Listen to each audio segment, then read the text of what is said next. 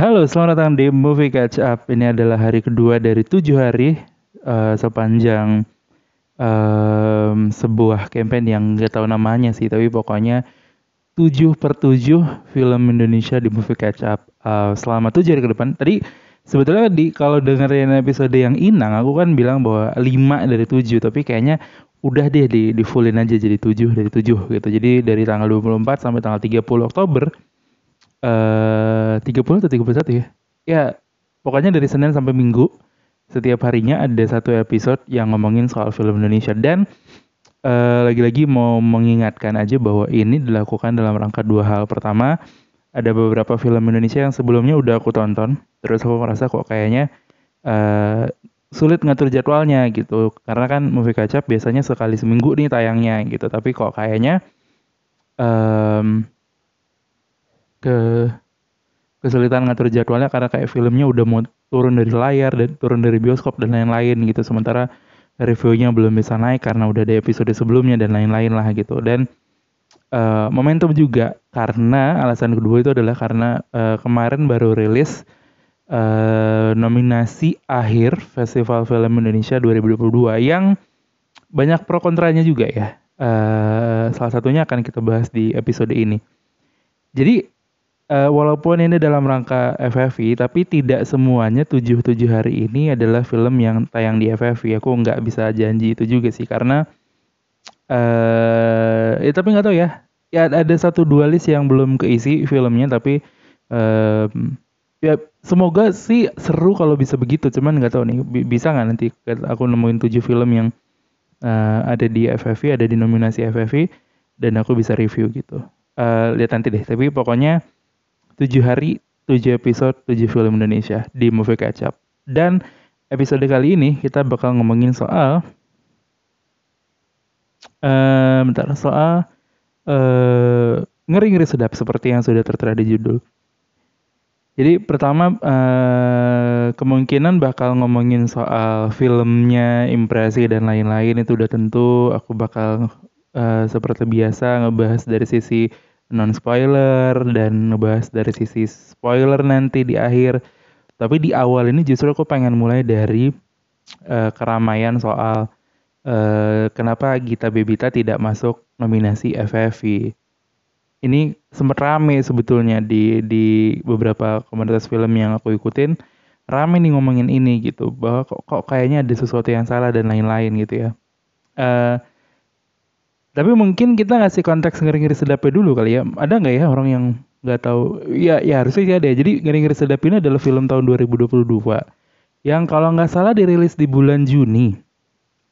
Uh, dan film ini mendapatkan jumlah penonton 2,8 juta kalau nggak salah.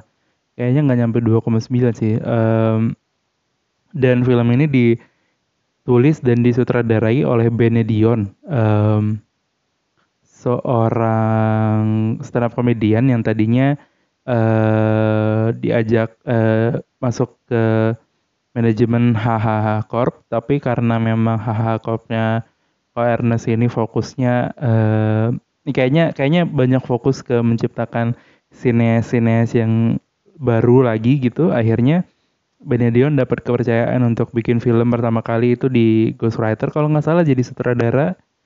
Um, eh jadi penulis atau jadi sutradara ya bareng Naya Anandita kalau nggak salah?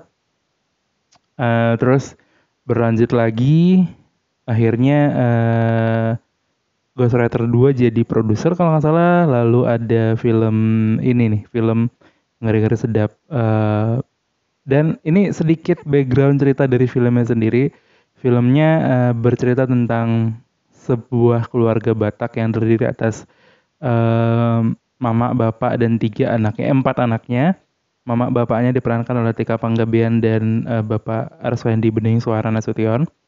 Lalu uh, empat anaknya diperankan oleh anak paling tua itu ada Boris Bokir, lalu ada Gita Bebita, lalu ada Lolox dan ada Indra Jagel. Jadi uh, mereka empat ini uh, keluarga Batak. Tiga anaknya yang laki-laki itu uh, merantau keluar keluar kota dan uh, satu anaknya yang kita bebita ini yang namanya Sarma ini jadi menjaga orang tuanya di kampung di uh, Samosir gitu ya di di di dekat Danau Toba. Kayaknya kayaknya bukan di Samosir sih karena kan Samosirnya kayaknya yang yang nyebrangnya tuh harusnya sih bukan Samosirnya ya. Pokoknya uh, di pinggir Danau Toba rumahnya mereka gitu.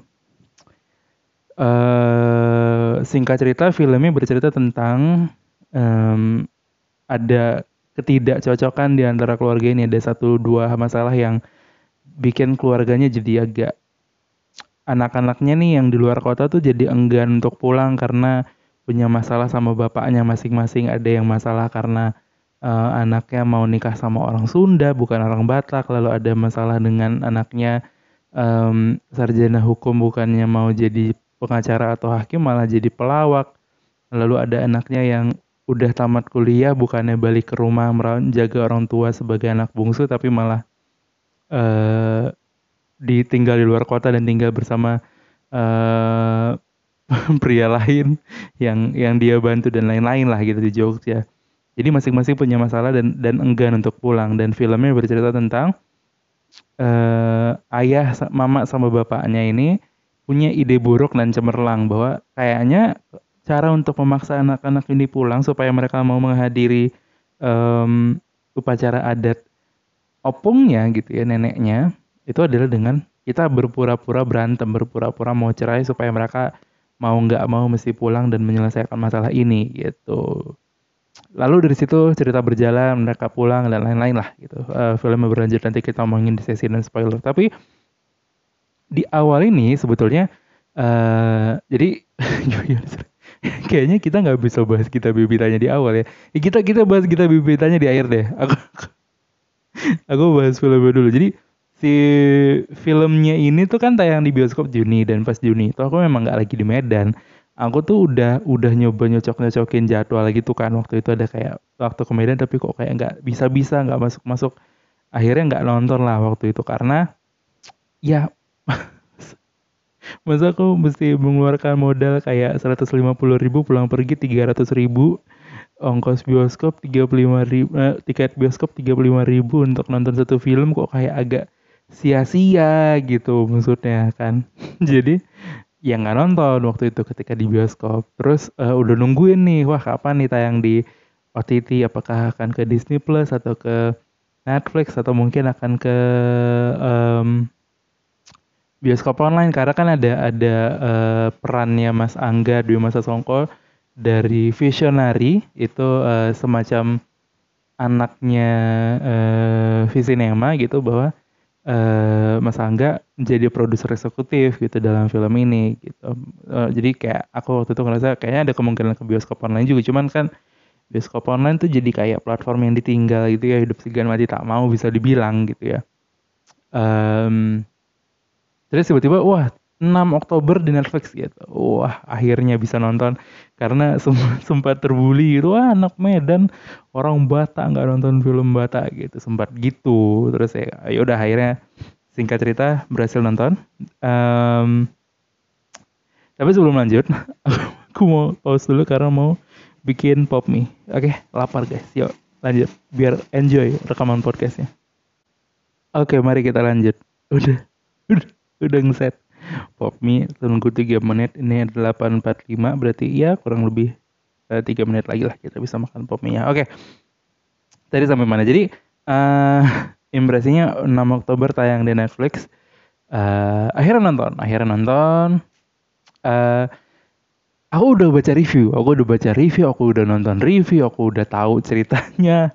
Uh, bahkan udah tahu plot twist plot ya dan lain-lain lah udah tahu jalan ceritanya gitu. Jadi sebetulnya tidak berharap kekagetan yang banyak uh, bahkan awal-awal tuh kayak agak um, khawatir apakah penantian yang cukup lama ini bisa terbayarkan dengan misalnya kayak ya mungkin nangis atau apalah gitu ya. Um, ternyata nonton dan durasi filmnya kan lumayan panjang ya kalau nggak salah dua jam uh, berapa menit gitu. Dan itu tuh 30 menit terakhir film aku tuh nangis.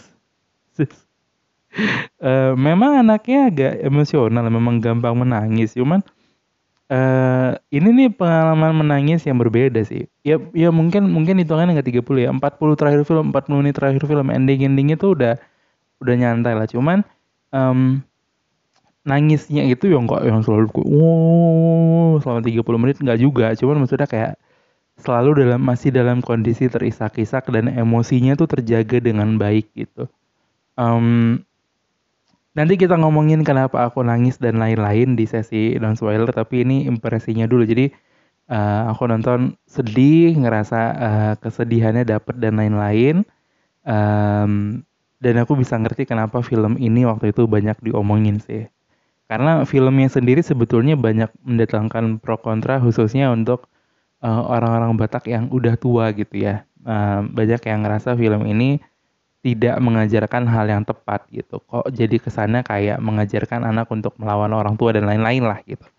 Um, jadi aku aku bisa ngerti kenapa filmnya bisa ramai dan lain-lain setelah menonton. Uh, itu sih impresi awalnya dan akhirnya aku merekomendasikan film ini ke banyak orang sih kayak ayo nonton ayo nonton ngeri ngeri sedap dan lain-lain gitu. Um, kalau review non spoiler uh, seperti biasa kan movie catch berpegang teguh aja berpegang teguh pada tiga hal pertama um, secara karakter. Men menurutku ini, aduh, nih sorry kalau ada kerasa-kerasa. Menurutku ini ada ada dua hal. Pertama, uh, ini tuh masalah yang kayaknya sering terjadi di film Batak gitu ya atau film-film daerah lain. Uh, masalah utama kita tuh sebagai orang yang datang dari daerah tersebut tuh kadang ngerasa kayak kayaknya aku ngomong gak gini-gini kali lah we gitu. kayaknya kayaknya nggak gitu lah. Filmnya nggak uh, uh, kayaknya aku ngomong nggak kayak eh apa kabar bah? Ah cemanya ah, kayak kayaknya nggak kayak gitu kali gitu maksudnya. Uh, itu kan yang sering terjadi stereotip dan lain-lain gitu ya. Dan dan komikal gitu kan sering sekali. Wah kalau Medan tuh keras uh, jadi komedi gitu. Kalau Padang tuh mengalun-ngalun jadi komedi juga gitu. Atau kalau misalnya orang-orang timur jadi komedi juga tuh aksen-aksennya gitu. Tapi ngeri-ngeri sedap sebetulnya berhasil memecahkan itu bahwa filmnya secara dialek dan lain-lain gak ada tuh yang berasa berlebihan. Jadi itu aman. Cuman tetap berasa bermasalah karena khususnya di dua orang, di dua karakter. Pertama Mak Domu dan kedua Pak Domu. Um, Bo eh, ya Tika Panggabean dan Arswendi Bening Suara gitu. Um, mereka berdua kan memang orang Batak tapi kan tinggalnya di Jakarta di ibu kota gitu nggak tinggal di Medan nggak tinggal di Batak gitu. Bahkan mungkin seumur hidupnya nggak pernah tinggal di Medan lebih dari satu bulan mungkin gitu ya. Atau juga sih detailnya gimana. Cuman memang akhirnya ketika di film ini berasa actingnya mereka sangat-sangat effort maksain untuk dapet tapi untuk aku pribadi sih ngerasa nggak terlalu dapet sih. Bahkan masih berasa kayak aduh nih ini dikit lagi nih bayangin kalau mereka punya waktu reading tambahan kayak 5 sampai 10 hari itu bisa jauh lebih perfect sih. Masalahnya tuh udah bukan di dialek yang berlebihan lagi, tapi lebih ke kayak mereka jadi terasa sangat berhati-hati ketika mesti eh, dialek Batak tadi. Kan ini udah nggak bahasa Batak kan. Jadi cuma dialek-dialek aja, tapi itu pun masih berasa kayak terhati-hati, berhati-hati gitu. Sementara orang Medan asli, orang Batak asli kan ngomong nggak gitu lagi gitu. Orang tuh mikir, eh udah makan kau nang gitu. Misalnya gitu ya itu adegan adegan uh, simple gitu. Ini aku nggak tahu ada persis lainnya atau enggak cuman ini kita contoh aja gitu ya. Eh udah makan kau nang gitu misalkan. Udah makan ya nang gitu kan. Itu satu. Uh, tapi di di mereka tuh jadi biasa kayak udah makan ya kau nang jadi kayak kayak rasanya agak canggung karena terlalu lambat pace-nya, saut-sautan dan lain-lain. Tapi sebetulnya bisa ngerti karena memang mereka bukan orang Batak asli kan. Tapi kalau ditanya dari setiap actingnya ya itu aja masalahnya. Dua karakter itu sisanya menurutku bagus-bagus. Interaksi antara anak-anaknya juga bagus-bagus karena memang mereka berempat Bataknya kental lah. Um, Indra Jegel sama eh, Indra Jegel bukan orang Batak orang Melayu cuman med, pindah dari Medan ke Batak itu kan jauh lebih mudah gitu ya ketimbang Sunda ke Batak misalnya gitu. Uh, Gita Bebita sama uh, Lolo, Lolo juga bukan orang Medan kayaknya. Lolo kan kalau salah orang orang ini satu orang Karo gitu ya. tapi kan ada gitu referensinya banyak soal Batak Gita Bebita memang orang Batak marganya putar-putar gitu terus kayak kalau ditanya Boris Bokir kan bukan orang Medan nggak tinggal di Medan iya tapi um, Boris Bokir masih make bahasa Batak sebagai bahasa sehari-hari dan lain-lain jadi kita bisa ngerti gitu tapi dua orang ini nih um, Tika Panggabean dan Bapak di Bening Suara ini kita tahu bahwa oh ini mereka sangat-sangat maksain diri untuk dapetin itu. Um, jadi kalau tanya karakter itu aja sih, sisanya actingnya bagus-bagus semua sih, nggak ada yang kayak terlalu aneh dan lain-lain. Um, kedua masalah plot cerita dan lain-lain. Um, ini mohon maaf karena filmnya aku nonton udah agak lama gitu ya dari reviewnya, cuman menurutku pribadi oke okay aja sih. Gak yang sespesial itu gak bukan film yang mengandalkan cerita dengan sangat dalam dan lain-lain. Oke okay, tapi uh, deep iya dan sebetulnya satu yang kayaknya kita sama-sama sepakat itu adalah karena kita dekat sama uh, ceritanya sutradara Benedion gitu aku ngerasa uh, Benedion tuh berhasil sekali muncul di banyak platform uh, mengembangkan dirinya sendiri di podcast agak lain gitu dengan menceritakan bahwa dia punya masalah sama bapaknya, uh, film ini adalah curhatan dia dan lain-lain. Jadi ketika kita nonton tuh aku aku sedikit banyak tuh nangis tuh karena ngebayangin ini tuh kayak curahan hatinya Benedion parah gitu bahwa dia dia pengen pengen ini terjadi dalam hidupnya dan lain-lain. Dia menggambarkan ini yang terjadi pada keluarganya dan lain-lain gitu. Jadi uh, justru justru penambah kesedihan dan penambah penggerak uh, plot-plotnya ini datang dari cerita asli Benedion. Karena kita ngerasa relate sama uh, Bang Benenya gitu kan. Uh, yang lebih seru dibahas justru teknis ya karena ini satu hal yang diomong-omongin terus pada saat filmnya tayang. Wah ada satu scene uh, one take, uh, one shot, scene um, wah scene puncak lah. Ini aku nggak ngasih tahu konteksnya scene apa tapi pokoknya ada satu scene panjang yang jadi jadi fokus cerita dan aku kan udah tahu tuh uh, soal keramaian scene ini kan bahwa scene-nya katanya bagus dan lain-lain. Jadi ketika nonton aku sangat-sangat menunggu sebetulnya scene-nya akan jadi seperti apa ya gitu kan. Um, bentar ngaduk popnya dulu. Aku udah nunggu tuh scene-nya akan jadi seperti apa scene yang sangat ditunggu-tunggu ini gitu kan. Ntar ya makan sesuap dulu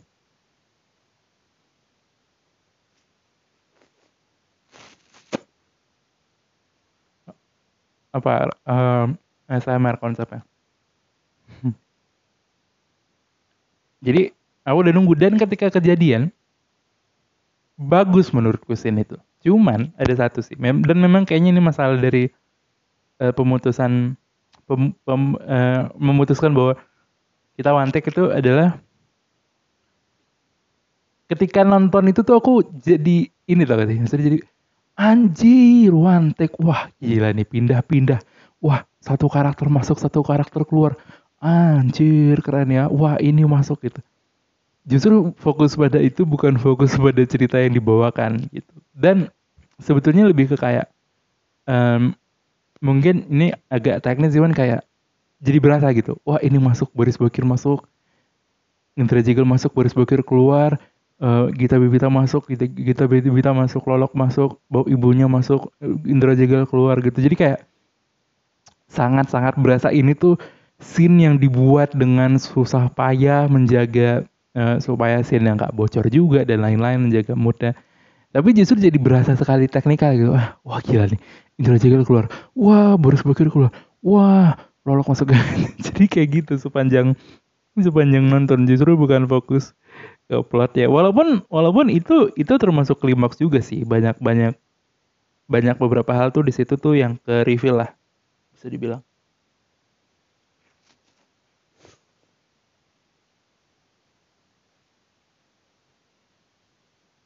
Tapi itu jadi kurang lebih secara kualitas acting bagus tapi dua orang tua ini justru menurutku agak kurang. Uh, plotnya banyak kebantu karena kita relate sama ceritanya Bang Bene ketiga secara teknis tadi ya si scene um, one take one shot ini tuh um, justru jadi terasa sekali sangat-sangat teknikal dengan satu keluar satu masuk apalah blockingan dan lain-lain gitu. Tapi oke okay, bagus kok bagus. Uh, secara keseluruhan mungkin kalau ditanya reviewnya untuk yang pada belum nonton nih supaya pada tertarik untuk nonton aku bisa bilang bahwa filmnya um, walaupun filmnya ngomongin soal keluarga Batak tapi sangat-sangat bisa relate sama keluarga apa pun sih um, sangat-sangat general di di banyak hal gitu. Ini ini bisa dirasakan sama siapa pun. Tapi tidak membuat Bataknya cuma jadi aksesoris ya. Bataknya dalam juga gitu. Ada banyak hal yang kayak kalau kita orang Batak sih pasti jauh lebih mengerti ini apa yang terjadi dan lain-lain. Tapi untuk orang-orang luar Batak juga sebetulnya masih bisa cukup paham sih gitu. Um, secara keseluruhan menurutku bagus filmnya layak layak layak ditonton layak dapat banyak penonton jadi kalau pada belum nonton di Netflix cobain nonton di Netflix jangan nonton di YouTube atau TikTok atau apa pun gitu ya tolonglah oke okay. Eh, kita masuk ke sesi spoiler ada beberapa banyak hal ada beberapa hal yang pengen aku bahas termasuk uh, performanya Gita Bebita yang banyak dipertanyakan kenapa nggak masuk FFV oke okay? yuk let's go Oke, mari kita lanjut ngomongin soal Gita Bebita. Enggak, sorry. Ngeri-ngeri sedap versi spoiler. Um, yang belum nonton, nonton dulu balik ke sini lagi. Kan ada di Netflix, jadi nonton dulu baru balik ke sini lagi dengerin lanjut ada. Tapi kalau nggak masalah sama spoiler, ya lanjut aja. Udah. Nggak mahal, murah gimana sih tren TikTok kayak gitulah pokoknya. Uh, mari ngomongin Gita Bebita dulu. Jadi kan Gita Bebito tuh banyak yang uh, kaget sebetulnya sama kualitas acting. Wah, Gita banyak uh, ini nih dapat banyak pujian dan lain-lain kayak Gita gitu. Uh, ini apa namanya calon-calon FFI gitu. Uh, rame lah bahwa um, kayaknya Gita Bebita bahkan bakal uh, dapat nih minimal nominasi lah gitu. Orang tuh ada ekspektasi gitu karena um, tadi ada adegan di mana Gita Bebita nangis um, yang menurut orang sangat-sangat powerful. Aku juga setuju bahwa adegan itu sangat powerful sih. Um, tapi akhirnya kok kayaknya ternyata ketika pengumuman terakhir uh, Gita Bebita tidak ada di list nominasi gitu. Um, sebetulnya aku jadi ke trigger ngomongin ini karena ada satu konten kreator di TikTok. Aku nggak mau nyebut namanya juga sih karena si konten kreatornya sendiri banyak sekali nge reveal apa ya pernyataan-pernyataan liar dan berlinduk di balik kata mungkin kayaknya gitu. Jadi kayak aku juga nggak mau nyebut namanya tapi um, ini juga banyak dibahas bahwa kok kayaknya nih Gita Bebita nggak masuk ke FF ini nih karena Gita kayak Gita ini secara fisik bukan yang good looking um, bahkan secara penampilan tuh bukan yang tinggi putih langsing gitu. Ini apakah FFI apakah Akademi Citra orang-orang yang menentukan nominasi ini um, justru bias terhadap isu-isu ini? Wah parah banget gitu. Nah uh, aku sih cuman pengen mengomentari sedikit aja gitu bahwa kayaknya kayaknya nggak sampai segitunya dah. Udah, aku sih nggak ngerasa itu adalah hal yang penting gitu. Um, aku nggak ngerasa Indonesia ada di tahap itu sih guys levelnya. Kayaknya kita nggak se Oscar itu deh. Maksudnya di Oscar itu kan ada ya isu-isu sensitif soal rasial dan lain-lain. Di kita ada juga, cuman kayaknya nggak sampai pada level nggak jadi nominator karena gemuk gitu misalnya. Kayaknya enggak deh. Maksudnya yang lain ada juga gitu yang yang kan ini bukan modeling, modeling juga ada gitu penerimaan terhadap orang-orang yang memang nggak good looking lah menurut standar tertentu dan lain-lain gitu. Kayaknya enggak deh kayaknya isu ini tuh kalau kalau terlalu di, digempar-gemparkan tuh justru jadi jadi keluar dari konteks utamanya menilai seseorang berdasarkan performanya gitu. Banyak yang membandingkan dengan salah satu nominator yaitu Maudi Ayunda dari film Last Man Bobroto. Uh, masalahnya aku nggak nonton filmnya juga kan, jadi aku nggak berhak menilai yang mana yang lebih layak dan lain-lain. Cuman Hmm, kalau kalau dilihat dari isi komentar-komentarnya justru banyak yang komentar-komentar yang menurutku masih masuk ke uh, apa namanya tuh jalur yang oke itu adalah banyak yang bilang uh, karena perannya Gita Bebita nggak sebesar itu juga sih dalam film ini. Gita Bebita memang ngasih satu powerful act yang besar sekali tapi secara keseluruhan perannya justru banyak tenggelam sama pemeran-pemeran lain dan itu ketika dibandingkan dengan Maudi Ayunda di Last Man Bobroto, ya Maudi Ayunda jauh lebih berperan besar gitu. Nah itu itu itu menurutku diskusi yang oke okay, gitu, mempertimbangkan apakah um, juri atau uh, pemilih nominasi ini mesti mempertimbangkan karakter secara keseluruhan atau justru ngelihat satu poin besar yang wah ini nih gitu. Itu itu diskusi yang oke, okay, tapi ketika diskusinya udah masuk ke ranah-ranah yang lain tuh menurutku kayak anjir udah kejauhan. Makanya aku sempet kesel aja sih kok kayaknya arahnya jadi ke sana gitu. Gitu aja sih sebetulnya nggak yang gimana gimana. Uh, ntar itu pertama terus kalau ngomongin soal ngeri-ngeri sedap juga sebetulnya um, banyak yang ngomongin soal uh, apa namanya tuh? Ntar uh, Tadi kita sampai mana sih? Ya Gita Bebita. Jadi menurutku itu ya udah keputusan juri bahwa Gita Bebita gak masuk ya ya udah gitu nggak mesti dilariin ke isu yang lain-lain dan lain dan dan sebagainya gitu. Um, kita lanjut ke adegan favorit. Tadi aku mau masuk ke situ adegan favorit. Uh, dan dan mungkin ini kunci keseluruhan film tuh ada di sini gitu. Uh, adegan menurutku salah satu adegan paling favorit itu itu adalah di mana adegan menuju ending bapaknya itu um, mendatangi ketiga anaknya di luar kota untuk meminta maaf. Sebenarnya bukan meminta maaf sih, tapi lebih ke kayak untuk memahami kondisi anaknya masing-masing gitu.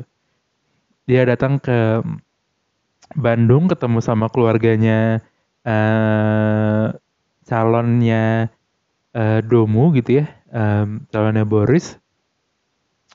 Terus dia paham oh ini ternyata uh, ternyata orangnya baik dan lain-lain gitu. Terus dia datang ke uh, tempat syutingannya Lolok uh, atau siapa namanya? Dulu lupa lagi.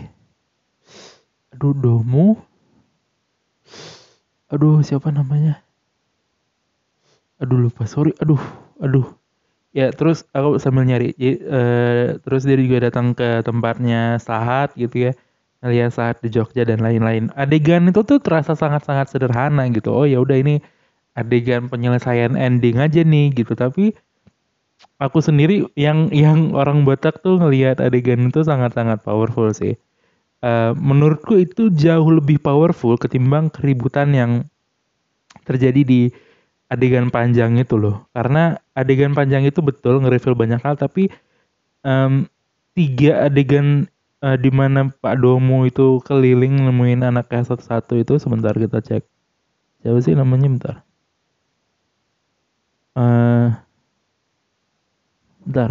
Siapa? Oh iya Gabe. Sorry Gabe. Jadi uh, adegan Pak Domo nemuin uh, Domo Gabe dan Sahat itu tuh jauh lebih besar gitu untuk orang yang orang Batak gitu. Kayak karena hal itu tuh nggak mungkin nihil terjadi gitu. Ya mungkin satu persen dua persen ada, cuman itu tuh kayak terasa sekali itu isu yang mau diomongkan gitu bahwa andai saja orang tua mau mengerti apa yang ada di pikiran anaknya, apa yang anaknya, apa pendapat anaknya dan lain-lain gitu. Andai saja orang tua mau mempertimbangkan uh, bukan hanya fokus pada apa yang orang tua inginkan gitu. Itu tuh powerful sekali adegan satu-satu dia datang dan kemudian perlahan menyadari apa yang anaknya kerjakan di luar sana dan lain-lain gitu. Itu itu jadi kunci bikin aku jadi makin nangis lagi menuju ending. Uh, karena mengingat apa yang terjadi sama Bene dan orang tuanya gitu ya bang Bene sama orang tuanya tuh itu tuh jadi makin anjir ini ini kayak surat cintanya Bene ke bapaknya Pak coba dong bapak pahami aku gitu kayak kesannya tuh gitu.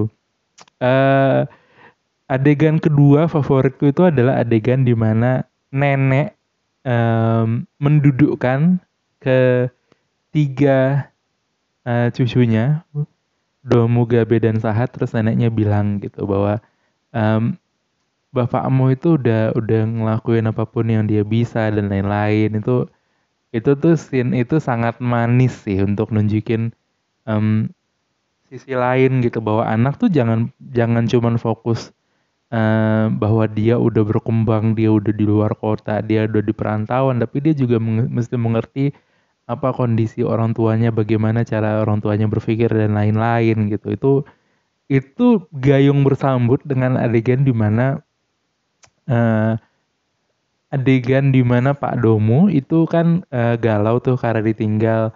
Uh, terus Pak Domu akhirnya datang tuh ke rumah orang tuanya kan, ke rumah mamanya gitu. Terus kayak dia cerita, um, aku aku salah mak dan lain-lain. Adegan-adegan dia mengakui itu ke orang tuanya dan bilang bahwa um, dia gagal jadi orang tua tuh itu itu powerful sekali sih. Uh, Terus ada adegan, kalau ini aku nggak tahu di adegan mana, cuman ada satu lain di mana kayak kau yang menyekolahkan anakmu keluar sana dan dan bikin mereka jadi pintar. Kalau mereka ngelawan dan mereka uh, ngasih pendapat, jangan dimarahin kau yang bikin mereka pintar dan mau ngasih pendapat gitu. Itu itu powerful sekali sih.